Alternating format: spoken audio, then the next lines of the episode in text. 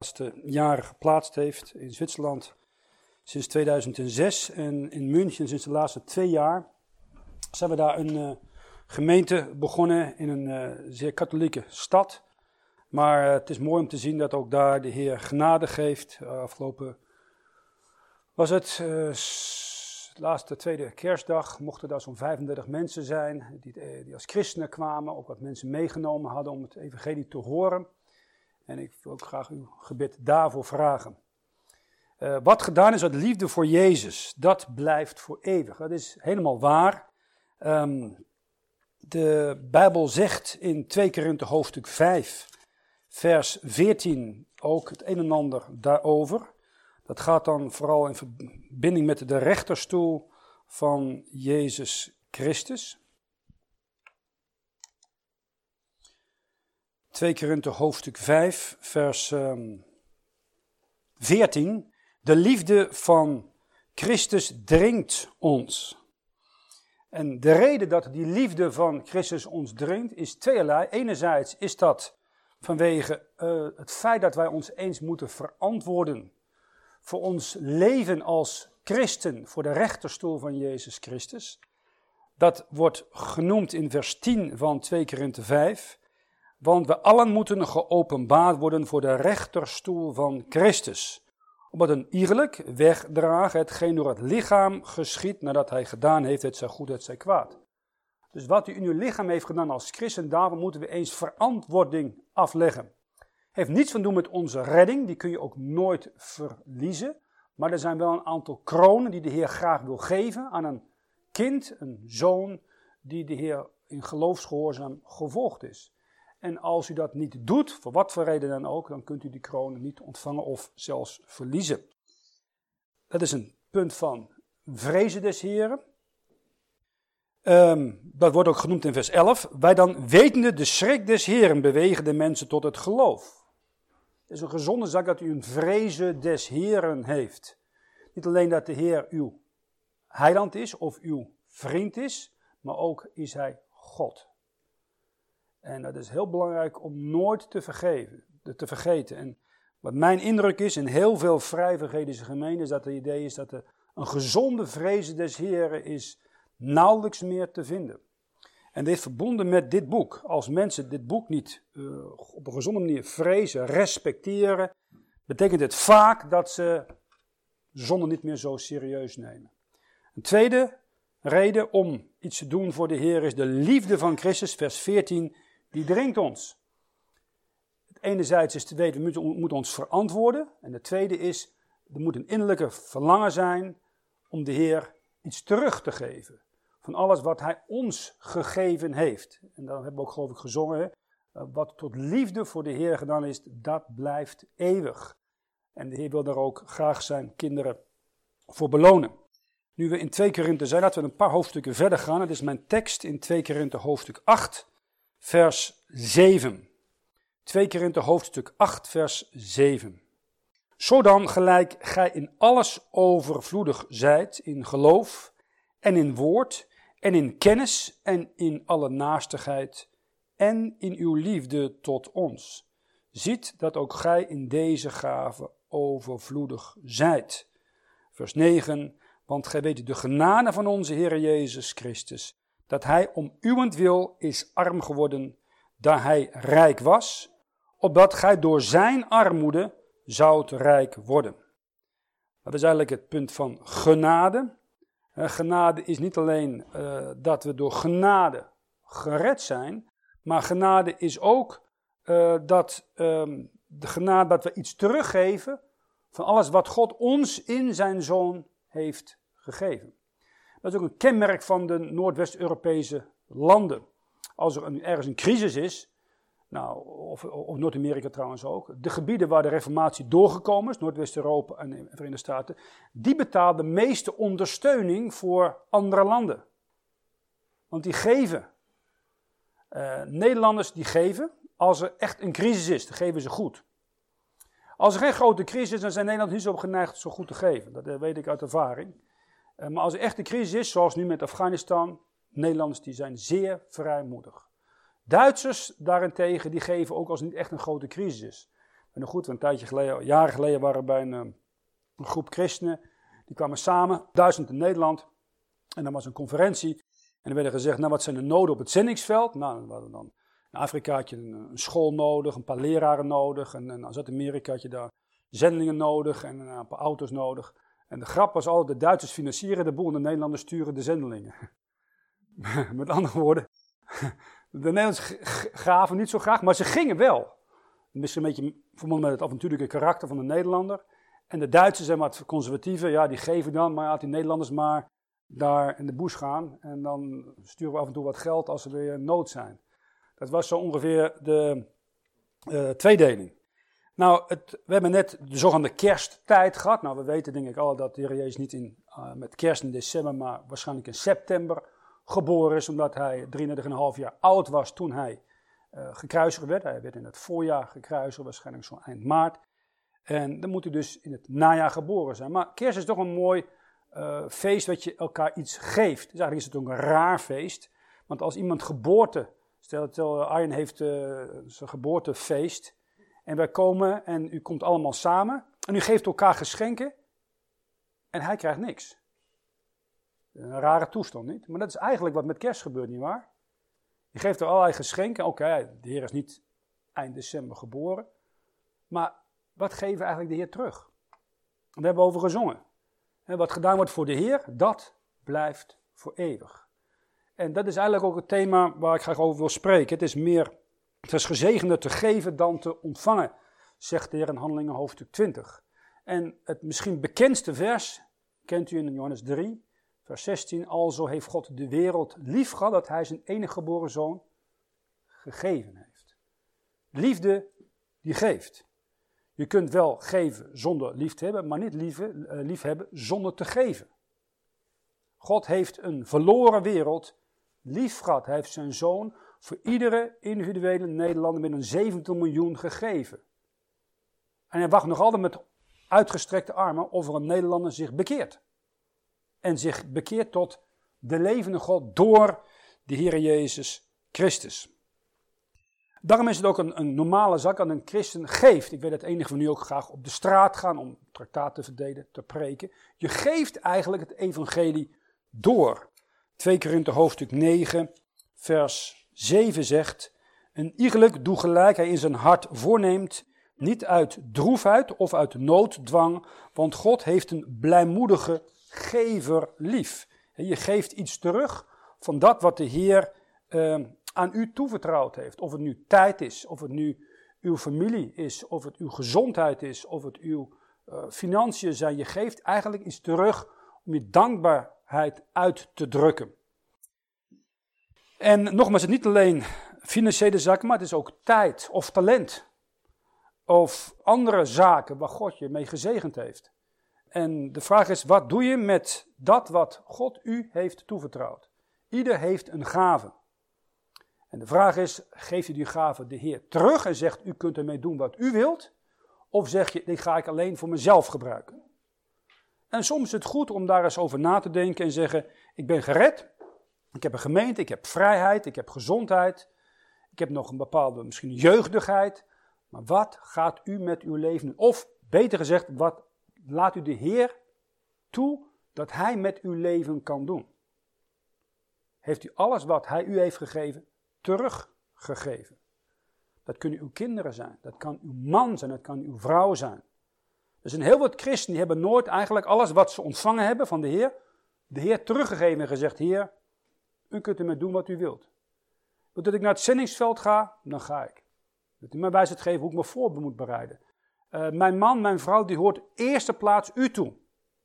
Als een vrouw dat niet doet, of een man dat niet doet, dan kan de echtgenoot een soort afgod worden.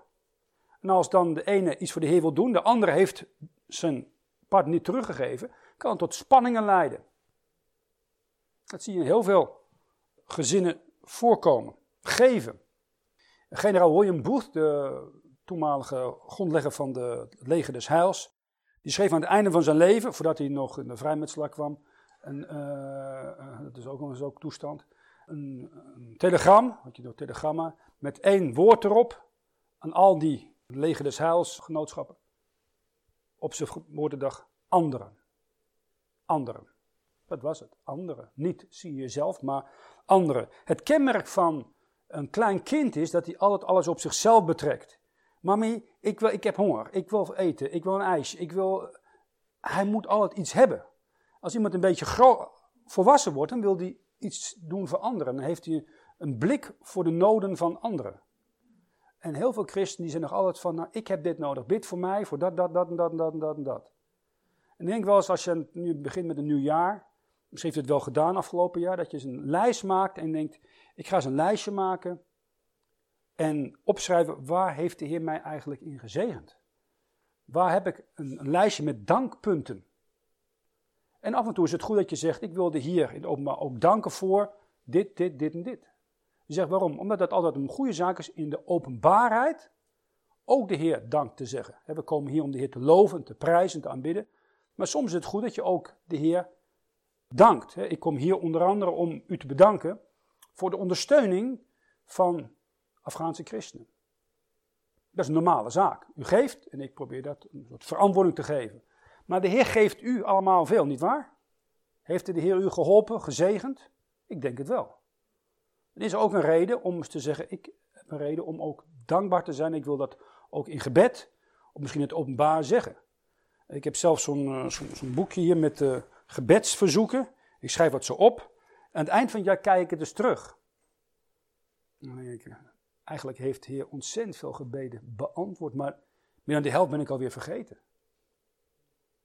En soms is het goed dat je zegt, ook als hoofd van het gezin, laten we samen zitten en uh, vrouw, kinderen, waar kun je de Heer nu voor danken? Waar hebben we voor gebeden? Soms moet je het ook even opschrijven aan de ene kant. Aan de andere kant schrijf je op, waar kan ik de Heer voor danken?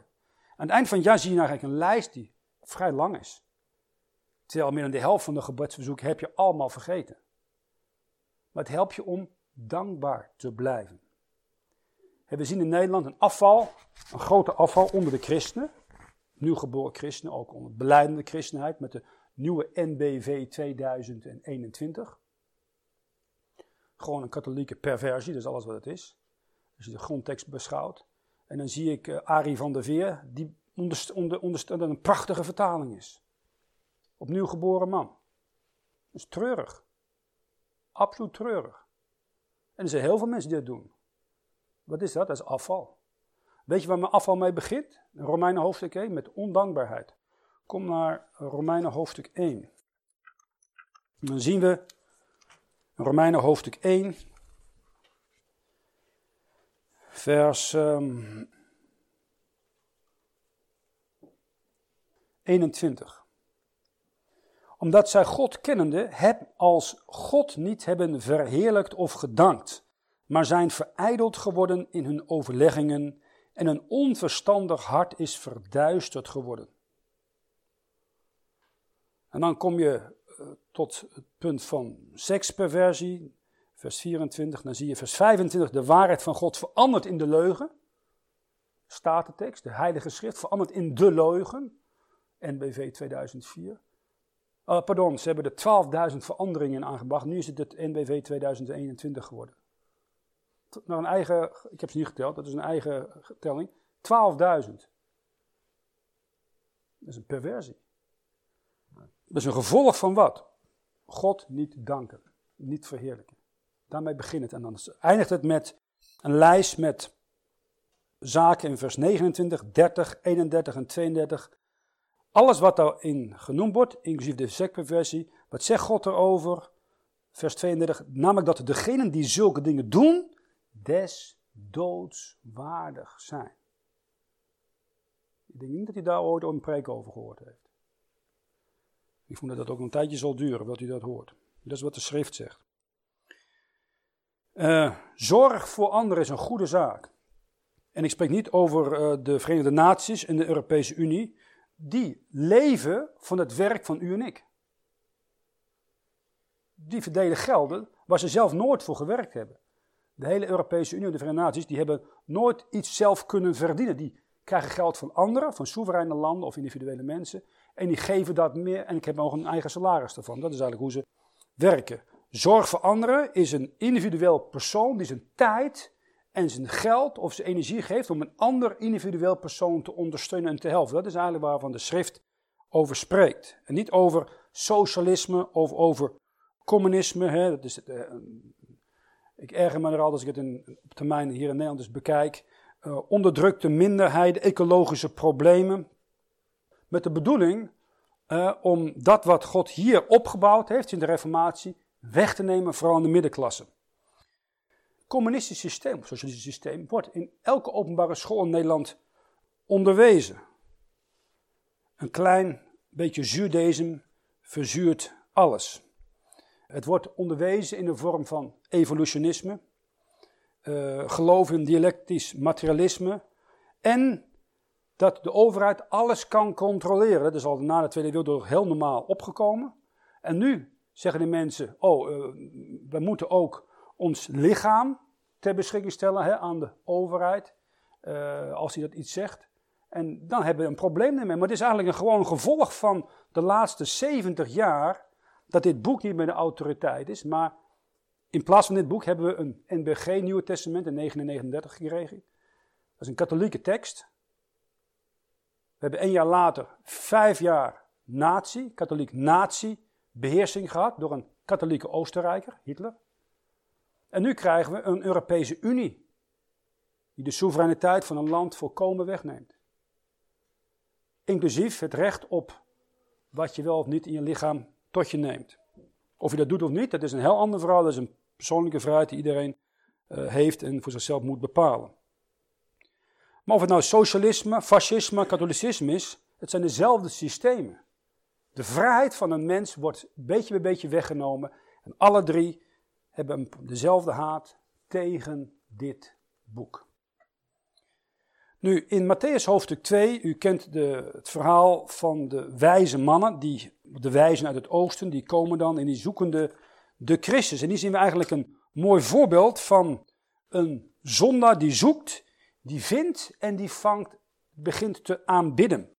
In Matthäus hoofdstuk 2, vers 2, dan komen deze wijzen en dan zeggen ze, wij hebben gezien zijn ster in het oosten en zijn gekomen om hem te aanbidden waren waarschijnlijk astronomen, kennen de, de 70ste jaarweek van Daniel, wisten daar zal de koning der Joden uh, zich openbaren.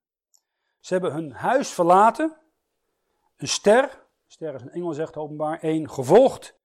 En dan vinden ze hem in Matthäus 2 vers 9. Zie de ster die zij in het oosten gezien hadden, ging hun voor totdat zij kwam en stond boven de plaats waar het kinderken was. Ze zochten en ze hadden gevonden. Misschien bent u zoekende naar waarheid, naar vrede in uw ziel en u zult het vinden verbonden met dit kinderke. Dit kinderke is Jezus. Vers 11. In het huis gekomen zijnde vonden zij het kinderken met Maria zijn moeder. Eerst het kinderke, niet Maria. Zoals 800 miljoen katholieken denken. Eerst komt het kinderke. En nedervallende hebben zij hetzelfde, het kinderke, niet Maria, aangebeden. Dus eigenlijk nu zo'n zondag komt, hij zoekt, hij vindt en hij komt bij een punt dat hij aanbidt. En als hij aanbidt, wat doet hij dan? Hij geeft iets. Deze wijzen brachten goud, wierook en mirre. Goud sprekende van de goddelijkheid, Jezus als koning. Dat zal zijn als hij terugkomt om te heersen. We hebben erover gesproken. Hij komt dan om een duizendjarig vrederijk in binnen te brengen. Dat is wat Hitler probeerde te doen met militair geweld in het Derde Rijk. Het duizendjarig vrederijk. Dat probeert de Europese Unie en de Verenigde Naties nu binnen te brengen met militair geweld. Een vrederijk. Maar dat, net zoals de Pax Romana, dat moet met militair geweld alle individuele mensen monddood gemaakt worden die daar niet aan willen voldoen. Aan de voorwaarden die dan door de leiders gesteld worden. De wierook, het tweede, het beeld van de gebeden. Nu is de Heer Jezus Christus een hoge priester. En hij bidt voor zijn gemeente. En de mirre verwijst naar een bitterkruid, dat is een priesterdienst op aarde, kwam hij om te lijden. En wij zijn nu verbonden als het lichaam van Christus met het hoofd. En een van de normale zaken als u Godvrezend leven wil, is alle die Godvrezend of de Godvruchtig leven willen, moeten vervolging lijden. Dat is een normale zaak. Ook als u in Nederland woont. Dat is meestal door andere christenen. Dat kan door uh, eigen familie zijn, eigen bekenden zijn. Maar dat is een, drie, drie dingen. Die zijn dingen die de wijzen hadden gebracht. Als dank voor het feit dat ze de koning der Joden hadden gevonden. Dus de vraag, wat geeft u de Heer terug? Nu u de koning der Joden als uw verlosser, als een zonder uit de heidenen gevonden heeft. Nou, het eerste, belangrijkste is uh, wat vaak niet genoemd wordt, is de Heer wil uw lichaam hebben, niet uw leven. Uw lichaam. Uh, misschien dat u mensen zitten die nog niet opnieuw geboren zijn. Nou, dan is de Heer Jezus al in uw leven. Misschien in de vorm van een andere christen, of als u hier regelmatig komt. Maar dat wil niet zeggen dat hij in uw lichaam is. De Bijbel zegt, op het moment dat u tot de Heer Jezus komt, hij is al tot u gekomen, u komt nu tot hem, dan zegt hij, zegt u hopelijk, door geloof wil ik hem aanvaarden als mijn verlosser. Dan neemt de Heer Jezus uw zondeschuld op zich en u ontvangt zijn gerechtigheid. Een uitwisseling van zonde op de Heer Jezus en zijn gerechtigheid op u. Dat is eigenlijk bijbelse bekering en opnieuw geboorte door geloof alleen. Wordt uw geest opnieuw geboren, uw ziel verlost. En zonden vergeven. een wonderbaarlijke uitwisseling. Ehm, en dan komt de Heer Jezus Christus door zijn geest in uw lichaam. En wordt de, uh, zegt Romeinen hoofdstuk 12, uw lichaam een tempel van de Heilige Geest. In Romeinen hoofdstuk 12 lezen we in vers 1 en vers 2. Ik bid u dan, broeders, door de ontfermingen God, dat gij uw lichamen stelt tot een levende, heilige en gode welbehagelijke offerande, welke is uw redelijke godsdienst. En wordt deze wereld niet gelijkvormig, maar wordt veranderd door de vernieuwing uw gemoeds, opdat gij moogt beproeven welke de goede en welbehagende en volmaakte wil van God is. De wereld niet gelijkvormig worden. Hoe gaat dat? Door de vernieuwing van uw gemoed, door de tijd dat u in het woord van God kunt doorbrengen. Het grootste probleem, mijn zin, in de laatste eeuw is geweest de Bijbel, dit boek, verbonden met het Martelarenboek. Dat waren de twee grote boeken die alle protestanten en, en eh, niet-katholieken, de baptisten, vaak hadden. Dat is vervangen door eerst de radio voor de Tweede Wereldoorlog, dan de televisie na de Tweede Wereldoorlog en nu in de 21ste eeuw de, de, tablets, de internet en alle andere toestanden. En de, en de, de, kranten.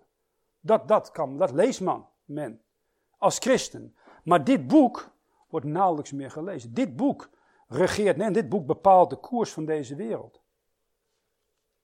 Ben nog goed, uh, zo'n 50 of, of 80 jaar geleden, werd er gelachen door de ongelovigen. Hahaha, die christen met het teken 666, van een onzin. Tegenwoordig zeggen die ongelovigen, wat zegt de Bijbel ook alweer over de 666 in de Bijbel?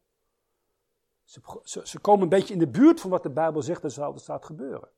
Maar de meesten nemen de tijd niet om dit woord te lezen. Nogmaals, dit boek houdt u van zonde weg. Het boek helpt u dat uw lichaam een tempel van de Heilige Geest is en dat u iets terug heeft te geven aan uh, de Heer.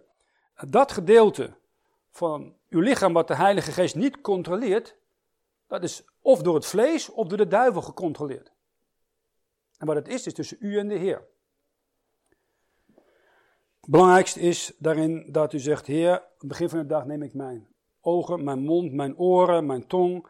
Alles wat ik heb, dat wil ik u geven. Gebruik dat tot eer en verheerlijking van u. En dan kan de Heer uw lichaam gaan gebruiken.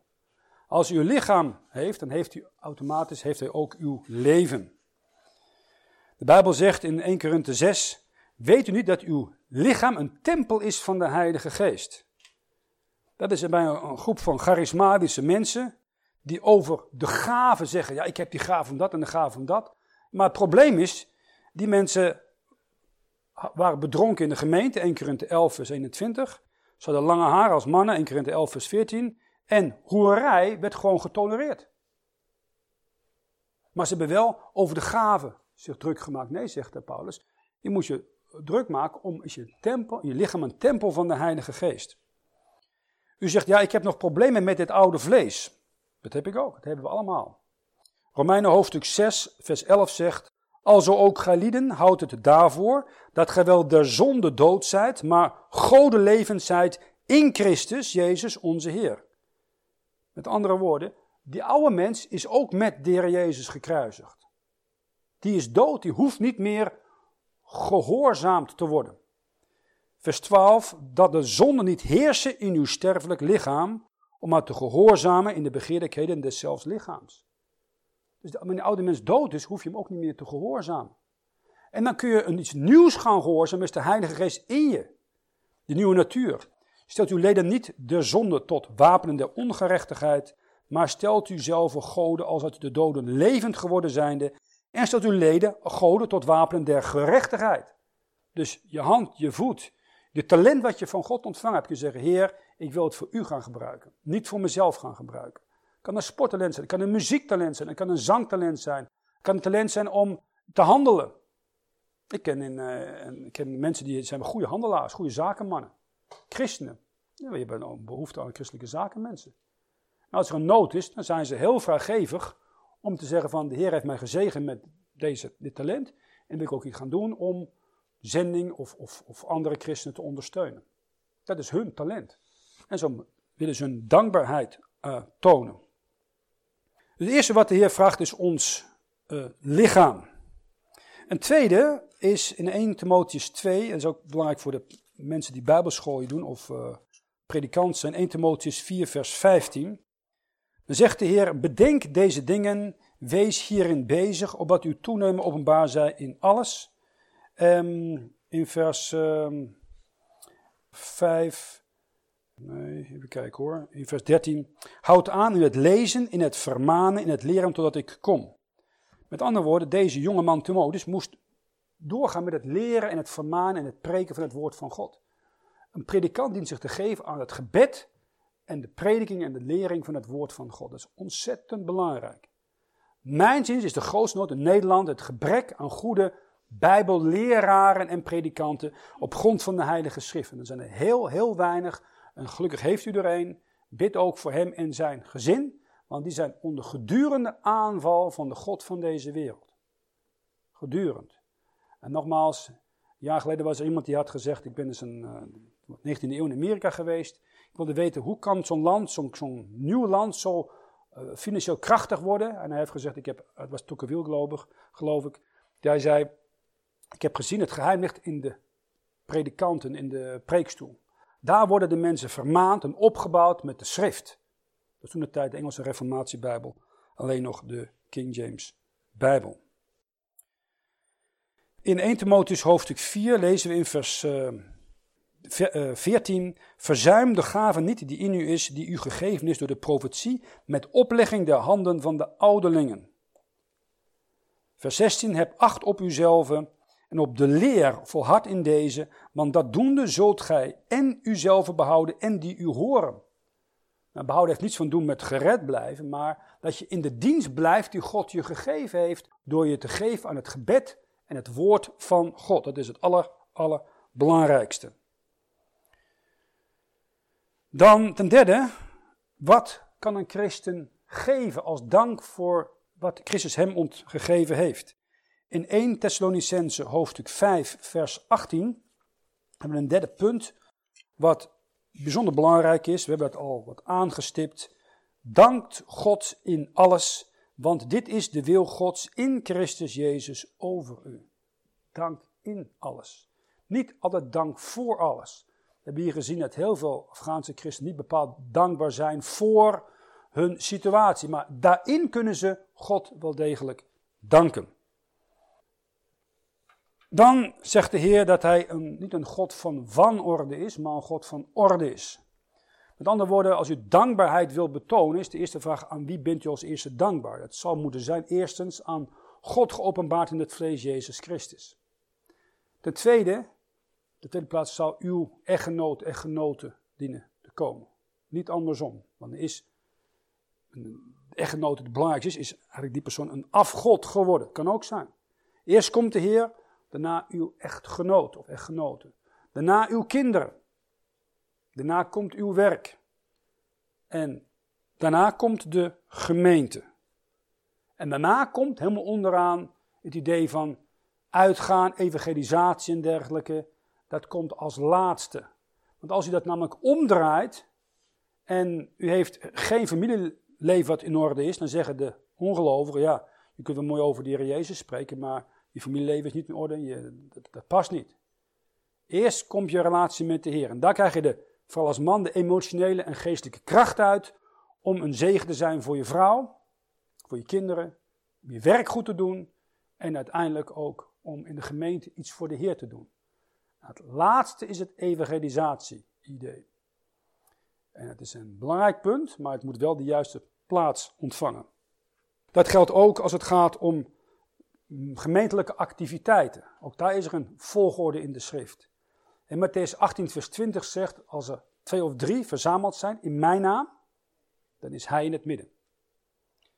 Het belangrijkste is de samenkomst. Nou, we hebben het hier geloof ik zondagochtend om 11 uur, dus een gemeentelijke samenkomst.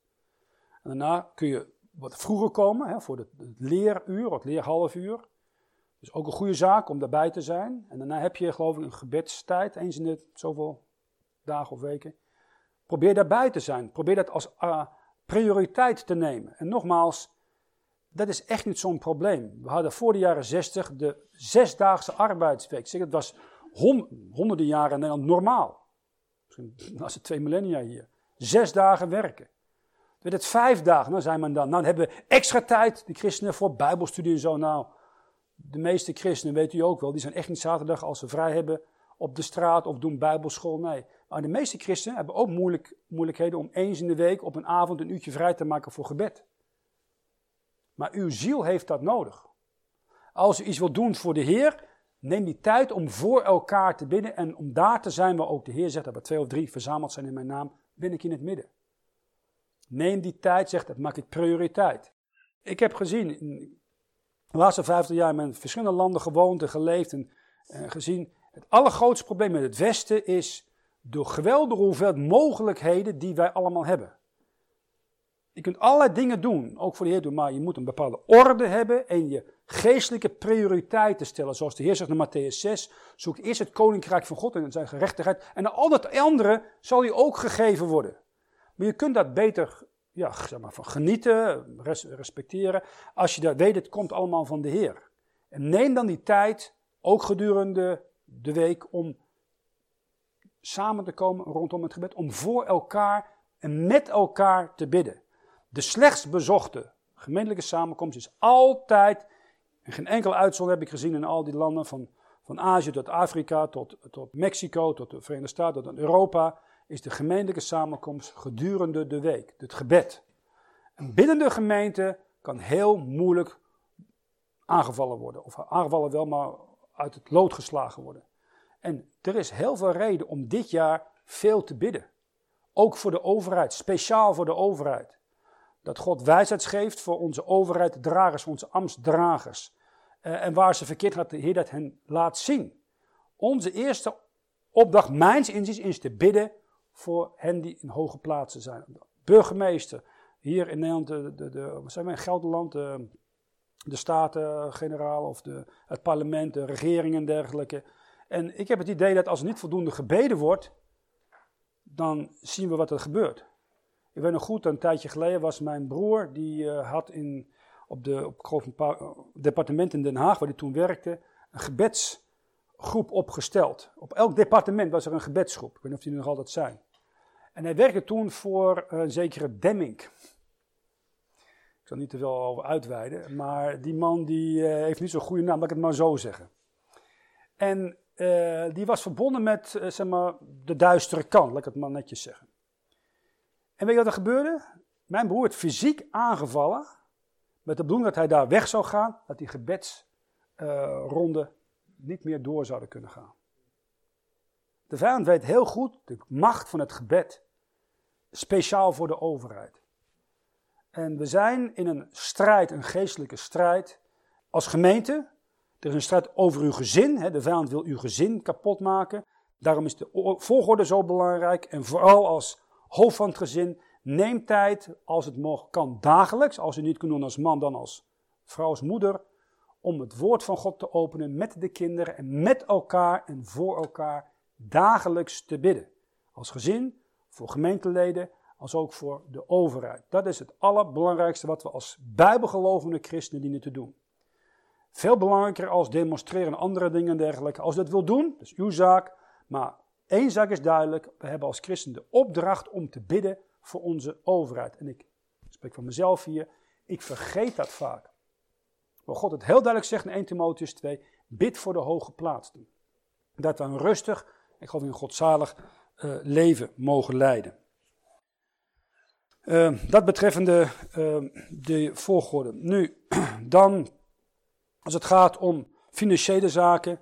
Je kunt niet alleen financiële zaken geven, je kunt ook iets voor je tijd geven. Je kunt ook jezelf geven, dat is eigenlijk het allerbelangrijkste. De Heer wil u hebben en laat u wel zelf wel zien wat je kunt geven als dank voor wat hij voor ons gedaan heeft. Velen komen dan bij een punt dat ze zeggen, ja, ik kan niet als zendeling ergens naartoe gaan, of, of korte termijn zendeling. Ik kan wel bidden, bidden uh, voor de Afghaanse christen bijvoorbeeld de, door de weekse gebedstijd. En ik kan ook financieel wat ondersteunen. Nou, aan waar kan je geven? Hoe geef je dan? Een paar korte ideeën. Uh, aan de hand van het Nieuwe Testament. In 1 Korinthe hoofdstuk 16 vers 2.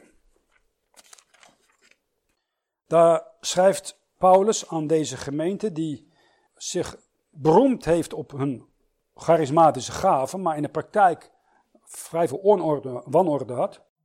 Dit betreffende het financiële aspect, 1 Korinthe 16 vers 2.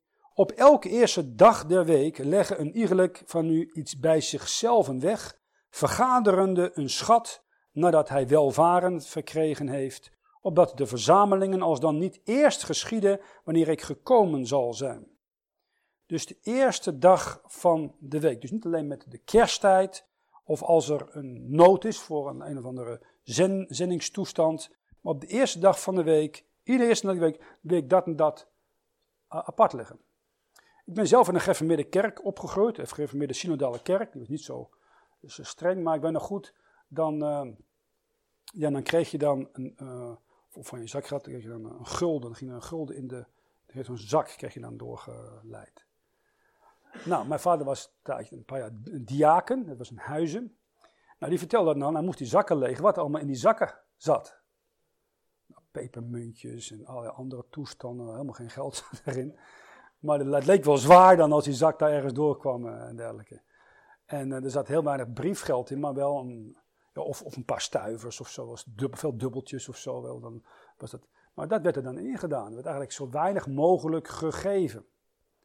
En je ziet wat wij geven. Hè, dat we, de, de Heer zegt, laat je rechter niet weten wat je linkerhand geeft, maar wat je geeft, geef iets en bid erover aan de eerste dag uh, van de week. Um, een schat nadat hij welvaren verkregen heeft. Dus afhankelijk van wat u financieel ontvangt, geeft u de Heer iets terug. En ik heb onze kinderen ook, die krijgen dan een, een zakcentje. En ze zeggen, nou probeer nou, als je dan uh, twee frank krijgt, krijg je dan 20 rappen, heet dat dan, 20 eh, cent, geef je dan aan de Heer. Wat zeggen, 20, 20 cent? Nou, uitgelegd en zo. Oh ja. Ja, dat is eigenlijk, dat, dat ontvang ik dan hè, als een genade. Dus kan ik ook 10% weggeven en 90% hou je dan voor jezelf. En toen ik, toen ik nog was, uh, toen mijn dochter wat jonger was, dan zei ze: Maar papa, doe je dat ook? Zei ja, doe ik ook. Maar is het niet oneerlijk? Oneerlijk? Hoezo oneerlijk? Ja, dat, uh, je, je geeft de Heer maar 10% en jou 90% voor jezelf. Ja, ja, ook weer. Eh, ook weer hè? Zo, zo denkt een klein kind dan. Die denkt wat anders als wij. Wij denken van, nou, 10%. nee, zegt de heer, ja, zegt de kleine. En denkt van, nou, ja, maar de heer is toch veel belangrijker. Waarom krijgt hij maar 10% en jij 90%? Naar het welvaren van de heer. God, God geeft u uh, mogelijkheid om ook uw inkomen te voorzien. En de Joden deden dat zo onder de wet, voor de wet. Abraham en Jacob, gaven het tiende voor de wet. Onder de wet was het een, normale zaak om. Uh, en je gaf het aan de Heer. Je gaf het niet aan een bepaald persoon. Het was aan de Heer. Die, die stammen gaven dat aan de Levieten. Levieten gaven dat aan de priesters en zo. En ook die gaven hun 10% weer uh, de offers aan de Heer. En uh, nogmaals, ik moest dat ook leren. Ik weet nog goed, dat was in de jaren 80. Ik ben tot geloof gekomen. En ik dacht van, ja, tiende en zo ben, ik- ben ik gaan begonnen. En, en, dat, en het functioneerde inderdaad. Tot ik het een keer een maand had vergeten, had ik op een gegeven moment een probleem met mijn financiën. Had ik gedacht, nou, ik heb vergeten mijn 10%, het was niet veel als student, te geven. Dat heb ik gegeven. Toen heb ik daarna nooit meer problemen gehad. Een jaar geleden was er een man, Tourneau, Le Tourneau. Die begon als zakenman. Hij is de jongen die eh, in Amerika die geweldige machines gebouwd heeft om de, de bossen mee te, in te gaan. Dus die hele grote eh tractoren met de grote wielen erop. Hè, dat, is, dat is allemaal spul van, van Le.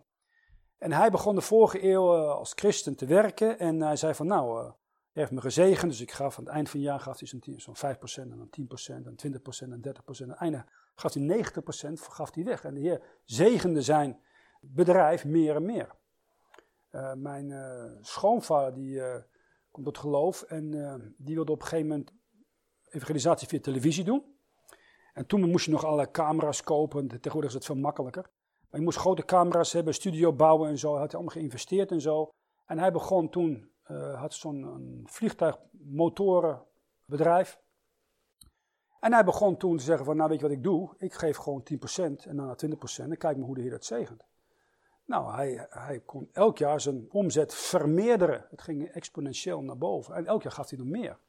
En door die dienst eh, op televisie eh, zijn er toen nou, wellicht duizend, waarschijnlijk tienduizenden mensen tot geloof gekomen. Dat was een hele dienst op zich. Dat mensen dan eigenlijk via internet, televisie, dat was zo'n kabel-tv toen de tijd, het evangelie hoorden. En ook nazorg kregen.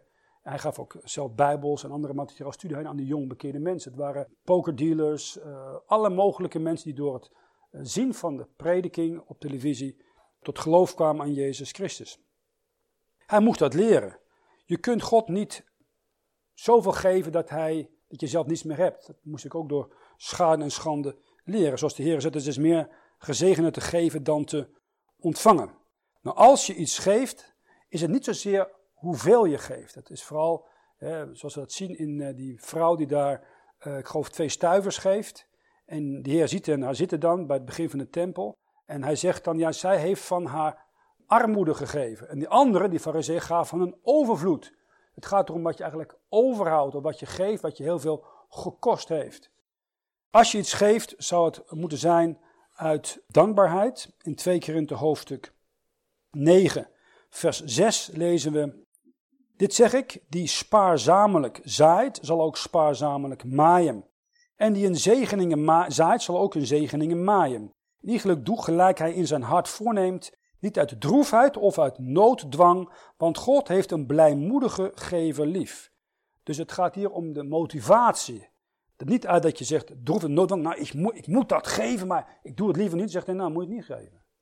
Als je iets geeft, bid erover en zegt, dat heeft hij op mijn hart gelegd en dat geef ik voor de Heer. Of het nu is aan Afghaanse christenen of andere zending of hier aan de plaatselijke gemeente of aan traktaat. Het maakt helemaal niet uit of je tijd ergens voor. Je zegt, ik doe dat uit dankbaarheid en liefde voor de Heer Jezus Christus. Het moet een, God zegt, hij heeft een blijmoedige gever lief, niet een dwangmoedige gever lief. Dat is bijzonder belangrijk. Je familie, je gezondheid, uh, misschien heb je een goed intellect of je ziet er prima uit of zo. Nou, zegt de Heer, dat wil ik allemaal voor u gaan gebruiken. Hoe? Dat laat de Heer wel uh, zien. Geef zoals de Heer gaf. Hoe gaf de Heer? Hij gaf in de zin dat hij iets offerde om de Heer te geven. Dat in veel beproeving der verdrukking de overvloed hunner blijdschap en hun zeer diepe armoede overvloedig geweest is tot de rijkdommen hunner goeddadigheid, zegt de Heer in 2 Korinthe 8, vers 2. Dan spreekt hij van de gemeente in Macedonië. Die waren heel arm, maar wat ze hadden, dat hadden ze gegeven. En dat is ook een, een feit in de geschiedenis van gemeenten. Weet je wie de meeste geeft? De mensen die zeg maar, middenklasse zijn. Die hebben, zijn niet zo arm dat ze niks te eten hebben. Ze zijn ook niet heel rijken, die geven meestal niks. Die zijn bijzonder gierig. De middenklasse, die geeft het meeste. In Nederland heb je de, als voorloper van de staat had je de Deus Bijbel. Deus En het was twee A's. Het was het idee dat de mensen die gaven aan de financiering van die Bijbel, dat was de middenklasse. Dat was niet de één, dat was de, de, de, de arme, niet nummer zes met de dobbelsteen, maar dat was de groep die ertussenin zat, de Deus En die gaven vrijmoedig. En die hebben ook eigenlijk altijd gemeente, gemeentegebouwen, bijbels, evangelisatie gefinancierd. En het is juist die groep, de middenklasse, die heden ten dagen in Nederland aangepakt wordt. Als je die namelijk te weghaalt, dan heb je net hetzelfde als in alle communistische landen, moslimlanden en katholieke landen. Een hele kleine elite en een lage, grote groep van massa van slaven. En daartussen ja, heb je niks meer. En die heb je in Nederland nog altijd. Ik moest dat uh, ook leren met uh, geven wat ik had en ook wat meer. Ik ben nog goed, ik was een jaar of twintig, ik tot geloof gekomen, ben naar Italië gegaan. Ik had geen uh, geld, zoals als ze de Noord geld hebben. En gezegd, nou de Heer zegt in Lucas 10 en Matthäus 10, ja neem geen geld in uw geldbundel, maar wel een geldbundel, want hij zal het wel vullen. We hebben toen traktaten meegenomen, overal getuigd toen met liften naar Zuid-Italië gingen en teruggingen. En we kregen van de meest vreemde mensen voedsel aangeboden, ongelovigen vaak, reizen aangeboden, hoeft nooit iets te betalen, maar gaat de evangelie leren te geven. Dat is kostbaar voor de Heer. Daar wil ik nog wel even iets over zeggen, als het gaat om evangelisatie. In 1 Korinthe uh, Handelingen hoofdstuk 10 hebben we Cornelius, die krijgt een bezoek van een engel. En die moet dan, zegt hij, je moet naar zo en zo gaan, naar Joppe, en dan zie je een man, Petrus, en dan zal je de evangelie brengen. Eh, de reden is dat een engel, die heeft geen bloed en kan nooit het evangelie aan iemand verkondigen. Hij kan wel mensen in een droom of anderzijds laten zien, ga daar en daar naartoe. Maar redding is mogelijk door twee mogelijkheden. Of door dit boek, daarom drukken we bijbels en verdelen we ook, of, of, of traktaat, of wat u ook daar hier uh, ligt aan materiaal. En een tweede is mensen van vlees en bloed die verzoend zijn door het bloed van Jezus Christus en die de bloedverzoening preken aan ongelovigen. Daarom is openbare prediking of één op één of traktaat verdelen zo effectief. Dat kunnen engelen niet doen. Wij kunnen dat doen. Als we dood zijn of opgenomen zijn, kunnen we het ook niet meer doen. Dit is de tijd waarin we dat nog kunnen doen. We hebben een vrijheid hier in Nederland dat te doen. Daar waar u gezien heeft in Afghanistan Pakistan, als je dat doet zoals wij nu hier doen, dan leef niet lang. Dan krijg je een klein bezoekje. Wij kunnen het nog doen.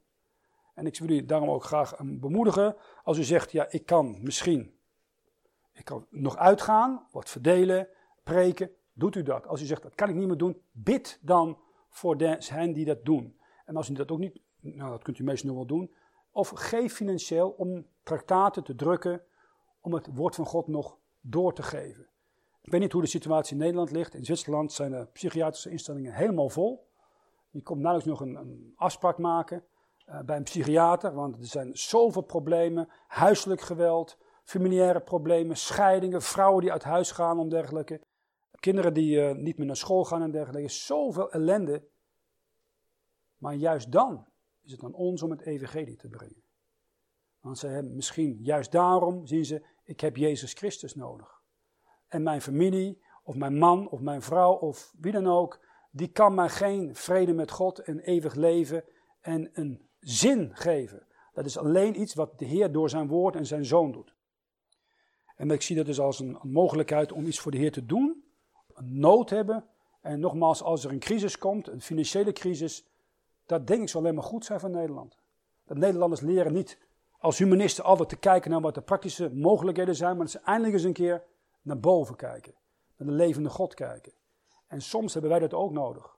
Dat in heel veel dingen uh, af en toe een verdrukking plaatsen, dat we leren alleen de Heer en zijn woord te vertrouwen. En als we dat doen, kan de Heer het andere ook wel op zijn manier in orde brengen.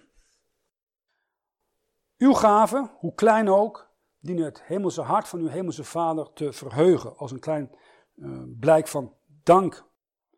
Ik wil afsluiten met een vers in Filippenzen hoofdstuk 4. Filippenzen hoofdstuk 4, vers 18.